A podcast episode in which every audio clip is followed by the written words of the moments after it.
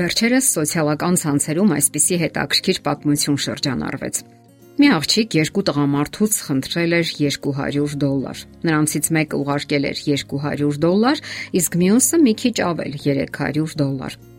Աղջիկը ընտրությունը կատարեց նրա օգտին, ով թեթևորեն տվեց այդ 300 դոլարը եւ չնկատեց, որ առաջին տղամարդը տվել էր իր վերջին 200 դոլարը։ Ահա այն արժեքները, որով մենք հաճախ կիսվում ենք մեր դիմացինների հետ։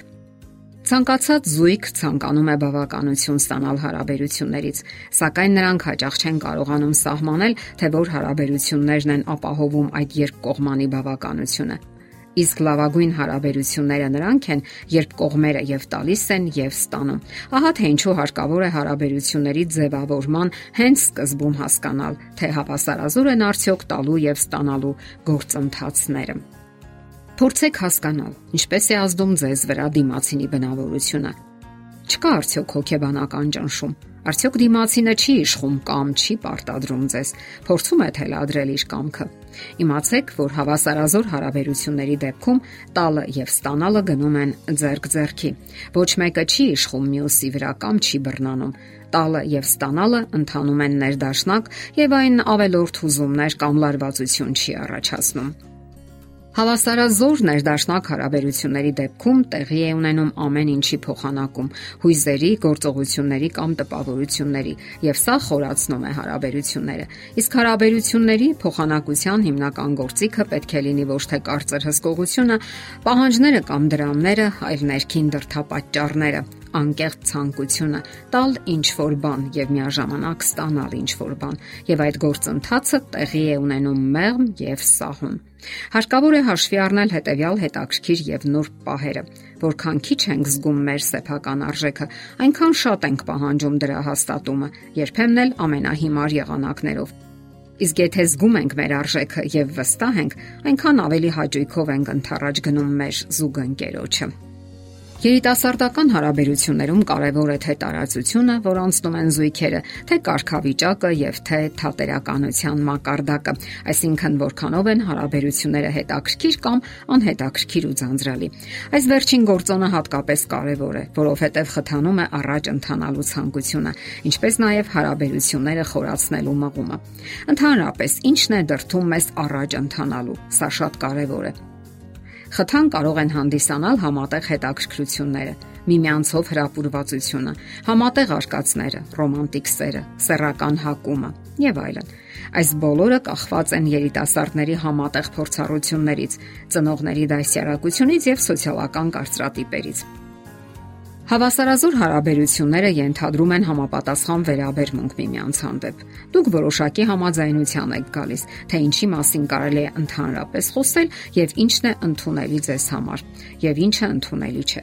Պետք է ապագային թողնել նաև նրբանակատ թեմաները, որոնց անդրադառնալու ժամանակը դեռևս չի եկել։ Գոյություն ունեն թեմաներ, որոնք հետաքրքրում են երկուսիդ էլ, եւ դրանց կարելի է ավելի հաճախակի անդրադառնալ զրուցեք, ճշտումներ կատարեք եւ ընդհանրացումներ։ Երկուստեք հետաքրքրող թեմաները ամրապնդում են կապերը, որովհետեւ այդ դեպքում ոչ մեկը չի ճնշում մյուսին եւ դա օգնում է, որ հետագայում, երբ ընկերությունը վերածվի ամուսնության, շատ հարցեր ունենան իրենց պատրաստի պատասխանները։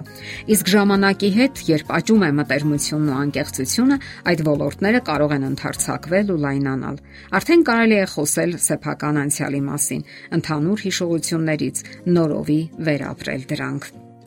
Հասուն զույգերը հասկանում են, որ գոյություն ունեն սկզբունքներ, որոնց պարզապես անհրաժեշտ է հետևել։ Հարկավոր է ընդունել դիմացինի մարդկային կերպը, բնավորության առանձնահատկությունները, ստացած դաստիարակությունը եւ այն միջավայրը, որտեղ անցել է նրա կյանքը։ Կան բաներ, որոնք նա չի ստացել եւ դժվարանում է տալ։ Գիտակցության ուժով շատ բան կարելի է անել, սակայն միշտ էլ կլինեն թերացումներ եւ հենց դա հարկավոր է հաշվի առնել թե հարաբերությունների ձևավորման եւ թե ամուսնական կյանքի ընթացքում։ Իսկ երբ փորձում եք ուժի օգնությամբ ստանալ որոշ բաներ, այդ մեխանիզմը համարյա չի գործում։ Եթե նույնիսկ կողմերից մեկը հնազանդվում է վախից ելնելով, որpիսի հարաբերությունները պահպանվեն, նրա ներսում լարվածություն է կուտակվում, որը վաղ թե ուշ դրսևորվում է տարբեր եղանակներով։ Ճիշտ հարաբերությունների դեպքում դուք անընդհատ ճշտումներ եք կատարում։ Այնքան էլ հեշտ չէ հասկանալ, թե ինչ կա դիմացինի մտքում։ Ներըմբռնողությունը լավ երևույթ է, սակայն պետք չէ ամեն ինչ թողնել դրա հույսին։ Հարցրեք, թե ինչ է ցանկանում ձեր դիմացինը, ինչն է բավականություն պատճառում նրան եւ ինչն է ընդունելի կամ անընդունելի նրա համար։ Անհանդուրժողականության պատճառով մեր աշխարհում շատ վատ բաներ են կատարվում։ Դա վերաբերում է թե քաղաքականությանը, թե կրոնին, թե հակոստին, թե բնավորության առանձնահատկություններին։ Ցանկացած մարդ եզակի անհատականություն է եւ յուրաքանչյուրս պարտավոր ենք հաշվի առնել դա։ Տալ եւ ստանալ այս սկզբունքը գործուն է մարդկային բոլոր հարաբերություններում, առավել եւս երիտասարդական։ Եթերում է ճանապարհ երկուսով հաղորդաշարը։